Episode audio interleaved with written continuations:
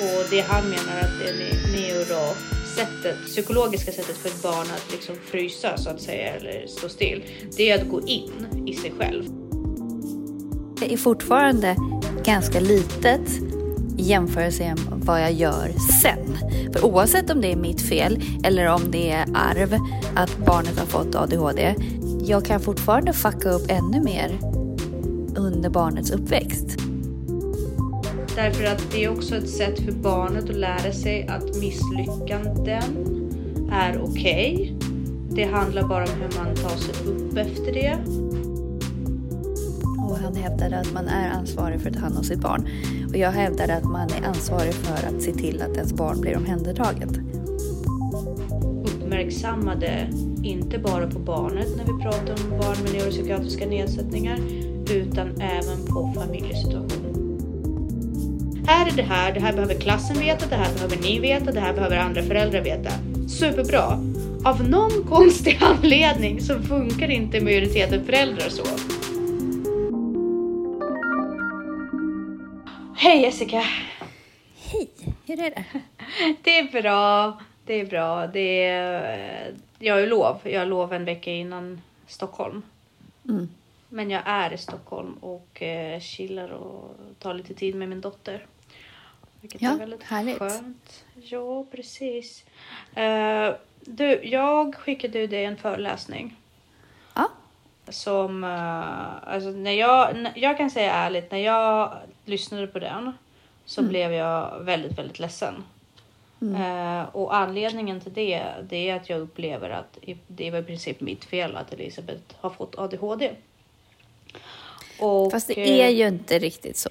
Nej, Alltså, men för det kändes som det. Det kändes Ja. som det för sättet som han la upp det Ja, på. men han sa Sen- ju å andra sidan också att det jag läste in i alla fall var ju så att det är ju absolut att ADHD inte, han hävdar ju att det inte är genetiskt, men har du ADHD själv Mm, så har du ju en grundstress som precis, skapar ADHD hos fostret.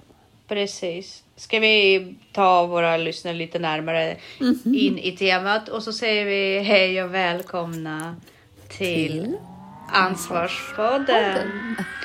Och det vi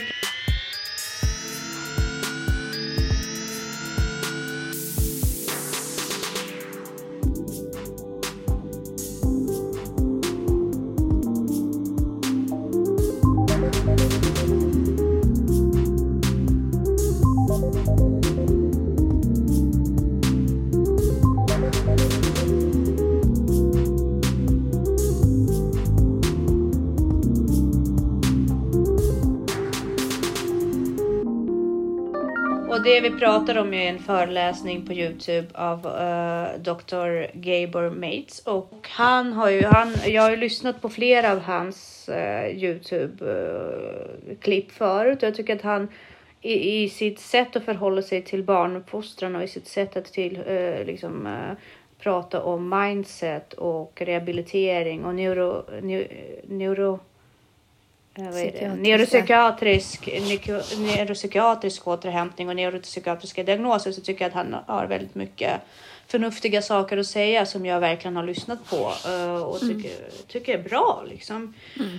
Eh, och sen så, så hittade jag en lite längre som är på en timme ungefär där han pratar om just ADHD och jag vet inte vad det andra syndromet heter på svenska men det är när man får eh, koncentrations och utvecklingsstörningar på grund av att föräldrar var alkoholister. Mm. Så alkoholberoende föräldrar liksom. Och eh, det han sa i långa loppet var att ADHD, man säger att man inte ger sina barn ADHD och det har ingenting att göra med uppfostran och att det är någonting man ärver. Men faktum är enligt honom är ju att barn som har ADHD Mm. Eh, Även om de har någon form av genetisk anlag för någonting som man inte riktigt definierar så handlar det mer om hur de bemöts i sina tidiga år eh, av sina föräldrar eller av de vuxna som har eh, som befinner sig i deras miljö. Och det här är en tanke som är väldigt revolutionerande och vad jag förstår fortfarande väldigt revolutionerande inom ADHD mm, forskning och medicinering och hur man tänker kring ADHD. Och eh, det han menar är då att föräldrar förser sina, försätter sina barn i stress. Där barnen eh, i den här stressen och känslan av att de eh, vill överleva. För det finns ju bara tre överlevnadsinstinkter och det eller tre han, hanter, stresshanteringar. Det ena är att fly. Det andra är att uh, attackera och den tredje är att frysa. Alltså, och det han menar att det neurosättet, psykologiska sättet för ett barn att liksom frysa så att säga eller stå still. Det är att gå in i sig själv. Och det är det han menar på det som händer när föräldrar som är utsatta för stress eller andra liksom eh, nedärvda neurolo- neuroavvikande psykologiska beteenden försätter sina barn i den här primära stressen vid utvecklingsstadiet. Det är då barnen utvecklar de här ADHD syndrom. Där, bland annat för att deras hjärnutveckling avstannar. Och bland annat för att då även, eh, vad är det det heter, eh, åh, körteln som utsöndrar då dopamin inte utvecklas på rätt sätt. Och det är väl det som hans, eh, det är väl kärnan i, i den föreläsningen som jag verkligen rekommenderar att man går och lyssnar på. Eh, Och det, det skrämde mig. Det, det gav mig otroligt dåligt samvete. Eh, jag började gråta direkt därför att allting som han beskriver känner jag igen. Eh, han beskriver att mammor som är mm, förlossningsdepression eller, och går in i depressioner eh, påverkar barnen sådär. Och eh, det handlar ju också om att det är inte mammorna och man skyller på men det är att mammorna inte tas upp av sina nära och kära då och får hjälp. Vilket jag också känner igen väldigt mycket men det lägger ju väldigt stor ansvar på mig, den teorin. Och det, det är väl därför jag också ville prata om det. Därför att det är ingen idé att sticka under stolen om det är någonting som är värt att ventilera. Och det tycker jag. Och det i sin tur pekar också på att vi måste vara mycket mer uppmärksammade. Inte bara på barnet när vi pratar om barn med neuropsykiatriska nedsättningar. Utan även på familjesituation. Vilket förut inte har varit lika stor kärna i det. Nej, och där är också väldigt viktigt att skapa en miljö. Eh, alltså en struktur. Det är ännu viktigare för ett barn med ADHD att ha en strukturerad miljö. Eh, att man som förälder verkligen eh, skapar rutiner. Och det behöver inte vara så här rutiner att vi äter klockan sex varje dag, men mer så här, hur får jag jobbet gjort? Mm, Alltså precis. skapa en arbetsmiljö som barn, att de kan starta upp projekt, checka av, strukturera upp alla projekt de har, ta ansvar eh, så att skolgången blir bra. Mm. Och också kolla på vilka distraktioner finns, hur beroende är barnet av dator och att man faktiskt tar fighterna för att ett barn med ADHD kan ju bli väldigt, väldigt arg. Och där är också oftast, eftersom det då oftast finns en förälder med samma problematik, oavsett då hur det här har förts vidare, eh, två arga ADHD-individer är sällan gynnsamt. Liksom. Alltså att det kraschar ju. Ja, det gör det ju. Och eh, där är också, där kommer också skammen in. Mm, Därför exakt. att om jag som förälder inte klarar av att kontrollera mitt inre barn och lashar ut Mm. på mitt barn och vi clashar. Alltså det är så extremt viktigt som, att, att bara vända tillbaka det och gå och visa barnet hur man tar ansvar för sin ilska efteråt. Därför att du kan inte bygga upp dig själv eh, och förbereda dig själv på att du inte kommer få de här utbrotten. När man har ADHD så är det en del av livet. Acceptera det. Därför att om du bygger upp eh, på att, in, att, du inte kommer, att det inte kommer hända så tror jag att man kraschar så mycket själv när det väl händer. Och får så mycket Men skam med det. Ja, men samtidigt måste man ju också förebygga så att det inte händer. Jo, absolut. Man jobbar med sina mål Mm. och, och det är ju. Det jag menar inte att man ska ta ut ansvaret från att förebygga det. Men jag menar bara att sätta inte upp ribban på att det inte kommer hända. Nej. Ha, ha Nej, nej, strategier precis. När det väl händer hur man plockar Ja. upp sig själv och liksom okej, då ställer vi om klockan. Nu, nu har vi en dag utan incidenter, två dagar och så vidare. Eh, och, och liksom och bygga upp för det. Därför att det är också ett sätt för barnet att lära sig att misslyckanden är okej. Det handlar bara om hur man tar sig upp efter det. Eh, men det, det var extremt tungt att höra hela hans teori kring det. Å andra sidan så satt jag liksom och resonerade också kring vad han säger angående hur föräldrar var mer eh, mer eh, involverade och mer eh, liksom ja, mer involverade helt enkelt, mer aktiva i sina barns liv. Jag håller inte riktigt med om det. Alltså det, det jag, jag, jag tror inte att det är där vi förlorar våra barn. Därför att om man tänker på vår utveckling, på människans utveckling de senaste hundra åren. Alltså, det har blivit mindre, mindre alkoholism, det har blivit bättre levnadsstandard, det har blivit bättre förhållanden för människor överhuvudtaget. Jag ser inte den beskrivningen riktigt som han gör. Eh. Jag ser inte hur vi har kunnat bli sämre föräldrar. Förr i tiden så kunde barn få spö. Liksom. Jag menar, hur alienerad blir man inte då? Ja. Så att jag vet inte riktigt om det här är en så klock... Jag tror definitivt till 100 procent att det finns väldigt mycket nytta att plocka med sig från den föreläsningen. Och hans sätt att resonera kring det. Men jag kan inte riktigt hålla med om att, på att vi, vi är ansvariga. eh, eller att föräldrar i vissa fall kan ans ta ansvar på eh, för själva utvecklingen av den här dopaminkörteln. Jag vet inte riktigt.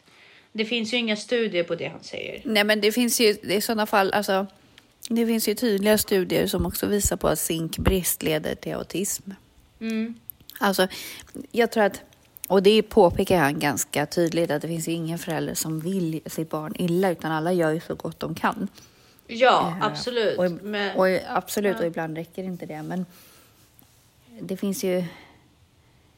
Utifrån vad man vet så försöker Mm. man ju att få en graviditet så bra som möjligt. Men det är klart att det alltid finns risker. Det finns det ju hela tiden. mm. Jo, men jag tror bara det, det, det är ju en av ADHDs föräldrars största fasor att få höra den där föreläsningen, tror jag. Uh, och jag tror att det är därför också, alltså för det, det ligger så mycket ansvar över tillbaka på föräldrar. Och återigen, jag tror att det jätteviktigt att plocka med sig saker därifrån. Och inte minst det faktum att han säger att man kan, och alltså, vi pratade om det förut också, du har pratat väldigt mycket om det, att eh, hjärnceller kan eh, förändras och de kan, eh, nya vägar mellan hjärnceller kan byggas upp. Och hjärnan är väldigt plastisk och den kan uh, återfödas, eller eh, inte återfödas, men den kan uh, Skapa nya banor, omforma sig. ska precis omforma sig och, och förändras i väldigt stor Mm. och hög utsträckning. Så det finns ju definitivt hopp. Men jag inte... tänker så här. Nej, förlåt. Jag avbröt. Nej, nej, nej, nej, det gjorde du inte. Fortsätt. Nej, men jag tänker på det här med dåliga samvetet är väl rätt onödigt egentligen. Eh, Okej, det kanske är mitt fel att mitt barn har ADHD, men det är fortfarande ganska litet jämförelse med vad jag gör sen. För oavsett om det är mitt fel eller om det är arv att barnet har fått ADHD, jag kan fortfarande fucka upp ännu mer under barnets uppväxt. Alltså, det, Jo, så och är där det är jag definitivt ansvarig. Alltså, jag måste ju hantera ett ADHD-barn på rätt sätt. Eh, så det är egentligen där man, där borde man ha dåligt samvete, om man har dåligt samvete. Alltså, genetiken blev som genetiken blev. Eh, och där gjorde man sitt bästa. Men, men du kan fort, oavsett vems fel det är, eller vad man säger, så sitter du där med ett barn som har ADHD, då måste du fortfarande, det är uppfostran som är den viktiga grejen, för där kan du verkligen förstöra och förstärka eller förminska. Så det är där man egentligen borde ha dåligt samvete. Absolut, absolut. Vad man gör Och- sen. Ja, det, och det, det kan jag ju säga att det, jag tror att de flesta föräldrar vill ju sina barn väl och man gör ju så gott man kan. Och, men sen så gäller det också att verkligen alltid konfrontera sig själv och bara gör jag verkligen mitt absolut bästa? Gör jag? och, och ibland är det, alltså jag kan säga så här, just nu bor inte jag med Elisabeth. Just nu bor Elisabeth med sin pappa och jag hälsar bara på. Och jag, utifrån vad jag har hört nu så kanske är det det bästa, alltså för tillfället. Därför mm. att jag tror kanske inte att jag är det bästa och min ostabila sätt och sådär för hennes ja. miljö. Och det är ju bättre då och det har vi också pratat om att jag kommer när jag är utvilad ja. och klarar av intensiteten så att det blir positiva upplevelser. Än att jag varje dag bryts ner mer och mer om hon ser en olycklig förälder. Det, men ja, man, man luras ju väldigt mycket av sin primära instinkt att man måste vara nära sitt barn och man måste eh, vara närvarande på. Men ingen, men, ingen eh, tar upp det faktum vilket sätt man ska vara närvarande på. Att vara närvarande och bara finnas är inte samma sak som att vara närvarande och vara aktiv. Nej, det, det är ganska intressant för mm. jag hade en diskussion med min bror för jättemånga år sedan. Mm. När vi pratade om det och jag hävdar att, för han är så här, man har ansvar för att ta hand om sitt barn. Mm. Eh, och då pratade vi om det här att ha en förälder som är väldigt upptagen i vad det nu kan vara, karriär eller något projekt mm. eller något sånt. Och han hävdade att man är ansvarig för att ta hand om sitt barn. Och jag hävdade att man är ansvarig för att se till att ens barn blir omhändertaget. Jag håller med dig till 100 procent. Eh, så att det är bättre att se till, alltså du är ansvarig för att se till att ditt barn får kärlek och får mm. allt det behöver. Men det behöver inte vara den biologiska föräldern som Nej. gör det. Nej, jag håller med dig till 100 procent.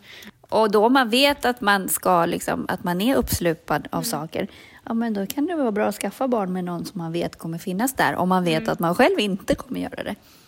Precis, annars är det bara wishful thinking. Annars kommer man inte... Så man kommer någonstans hamna i det här förbittrande som vi pratade om förut. Att man egentligen äh, brinner för någonting annat och är någon annanstans i sin hjärna och det känner ju barnet av och då kommer ju barnet växa upp i, med mer det här komplexet av att jag är inte tillräckligt intressant, jag är inte tillräckligt engagerande och så vidare. Mamma och pappa vill vara någon annanstans egentligen. För det känner barnen av och det är faktiskt bevisat. Mm. Och eh, en bebis kan mycket väl se skillnad på inspelning av sin mamma och sin interaktion med, med mamma, även om det sker på skärm. Så att eh, mm. det är ju väldigt viktigt med de här mikrosignaler. Men det, det jag mm. tänkte mm. på var ju kanske även om föräldrarna är eh, närvarande och inte har ADHD och allt det där. Men mm. hur barnen omgås, det har vi pratat om förut. Hur våra barn inte ser interaktion överlag på samma sätt som man gjorde det i förr i tiden. Mm. Det är väl det, därför att jag tror att det som du pratade om angående mm. att begränsa skärmen. Eller mm. Det är mm. när, barn, när vi tog ut våra barn i barnvagnar förut eller när vi tog med dem till sociala sammanhang. Vare sig de ville det eller inte så lärde de sig av den sociala interaktionen. Mm. De såg hur vuxna, hur mimiken, kroppsspråken fungerade och det lärde de på ett mm. annat sätt.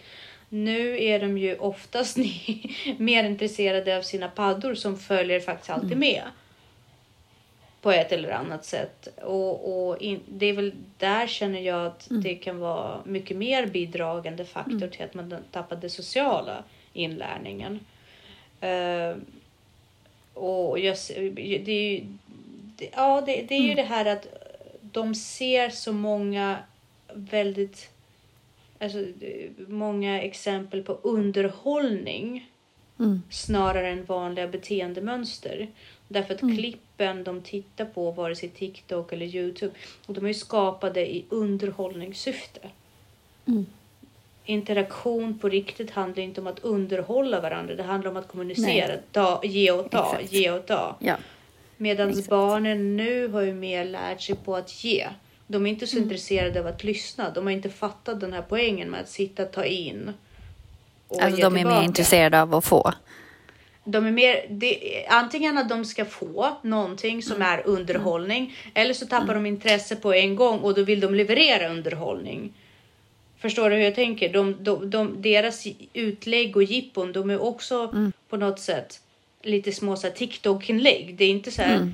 det, det, är inga små vardagsberättelser, det ska vara små jippon liksom. Små kickar. Som mm. till exempel om jag ska ställa mig och laga mat med, med min dotter, vilket i mm. hon är väldigt lik mig att göra. Då ska det vara en matlagningsprogram. Då levererar hon underhållning. Mm. Hon kan inte bara stå där mm. och laga mat med mig och konversera. Och det ska inte vara ett jippo utan hon gör ett program av det. Samma sak mm. med allting mm. annat. Det ska vara liksom inbäddat i en liten epos som är till för att någon annan ska se det. Så det är väl en social vad ska jag säga, till och med nästan lite antropologisk förändring här. Mm. Mm. I hur vi har betraktat språket kontra informationsutbyte. Det sker inte mm. på samma sätt längre. Nej. Nej, precis. Nej, men det är intressant. Men vad tar du med dig från den här föreläsningen då? Liksom, vad blir ditt konkreta handlings... Oj, konkreta ansvar, ansvar, ansvar, alltid. Mm. Mm. Men även att om man har neuropsykiatrisk eh, funktionsnedsättning eller mm. om man väljer att kalla det spridning. Det spelar ingen roll hur man betraktar sin neuropsykiatriska avvikelse för avvikelse är det. Så det är väldigt, väldigt viktigt att ta ansvar för att vara påläst om det mm. och ännu mer mm. ansvar att vara påläst om det om du är förälder. Uh, därför att tyvärr, så som samhället ser ut idag, så kommer inte någon ge dig den instruktionsboken. Nej. Och eh, det är ingen institution idag som finns till 24-7 för att vägleda dig i fostran av ditt barn. Det finns ju BUP, det finns skola, men de ja. har inte samma ansvar och samma målsättning. De är till att förhindra eller hjälpa ja. till när when shit hits the fan. Men ja, de är precis. inte där för att bygga upp i förebyggande syfte. Nej. Och har du kommit till de instanser där du behöver aktiv hjälp från skola eller aktiv hjälp från, från BUP, då, är, då har du nästan lite baserad gå till fängelse på något sätt därför att då har du redan hamnat på fel väg och du måste bra. Det är skitbra. Du får liksom lite vägledning och kommer tillbaks på spåret. Mm. Men det är inte mm. där problematiken ligger. Problematiken ligger i att i egen kunskapsinhämtning. Ha... Ja, det blir lite fel när du rådfrågar skolan om barn, ska... vardagliga Exakt. uppfostringstips. Liksom. Ja, men precis. Eller lägger över det ansvaret mm. framför allt på skolan. Säger det där sköter de. Mitt barn är mm. uppfostrad eller mitt barn har de här problemen och skit i det. Mm. Det är skolan som mm. får ta hand om det. Utan du måste på något sätt vara aktiv i att förmedla skolan om att mitt barn funkar så här. Vad är era idéer kring det och hur kan vi få det här att funka? Vad förväntar ni er när jag vet att det är det här förutsättningar som finns. I dagens eh, skol, skol etablissering, etablicitet så finns inte mm. det forumet. Vi har inte det samtalet på något sätt. Nej. Nej. Uh, och det är ju också väldigt sekretessbelagt. Så mm. i min värld är det så här, har du ett barn med diagnos eller misstänker mm. ditt barn har diagnos så börjar du samla en bibubba, utredningar, alla saker. Och sen när ditt barn mm. går in i skolan, då kommer du med den bibubba. Hej och hå, här är det här, det här behöver klassen veta, det här behöver ni veta, mm. det här behöver andra föräldrar veta. Superbra. Mm. Av någon konstig anledning så funkar inte majoriteten föräldrar så. Nej. Utan de är så här, nej, sätt inga etiketter på mitt barn. Jag tänker så här, det blir mindre nej. etiketter om du kommer med mm. egna. Ja, precis. T tänker jag. Liksom, ja. Etiketter kommer ändå sätta sig. Är inte det bättre att du kontrollerar de etiketterna? Ja, precis. Så att... Uh, lite så. Vad, vad tänker du? Vad tänker du? Nej, vad tänker du? Jag, nej, men jag, jag, jag är inte övertygad, men jag tar in hans föreläsning mm. som ett alternativ och egentligen mm. spelar det ingen roll hur det här barnet fick ADHD. Det har mm. ADHD. Och det viktiga är vad vi gör sen, hur vi agerar efter det. Mm. Absolut.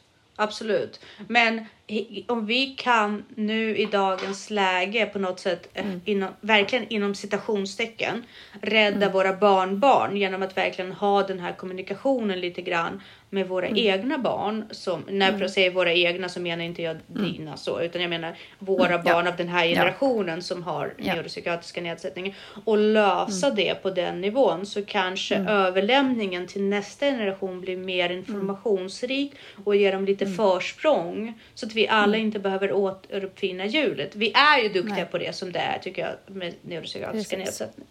Men, men att göra det här till inflation på diagnos och onödig ansträngning för samhället, att det tonas ut. Mm. Kan vi faktiskt ta hjälp av i den här eh, föreläsningen av att liksom ta med oss det i bagaget. Mm. Som en tänkvärd, som en tänkvärd Exakt. alternativ. Ja. Exakt. Ja, men bra. Ja, Då tar vi med oss det och säger tack och hej. vi gör det. Ja. Tack och hej! Hej.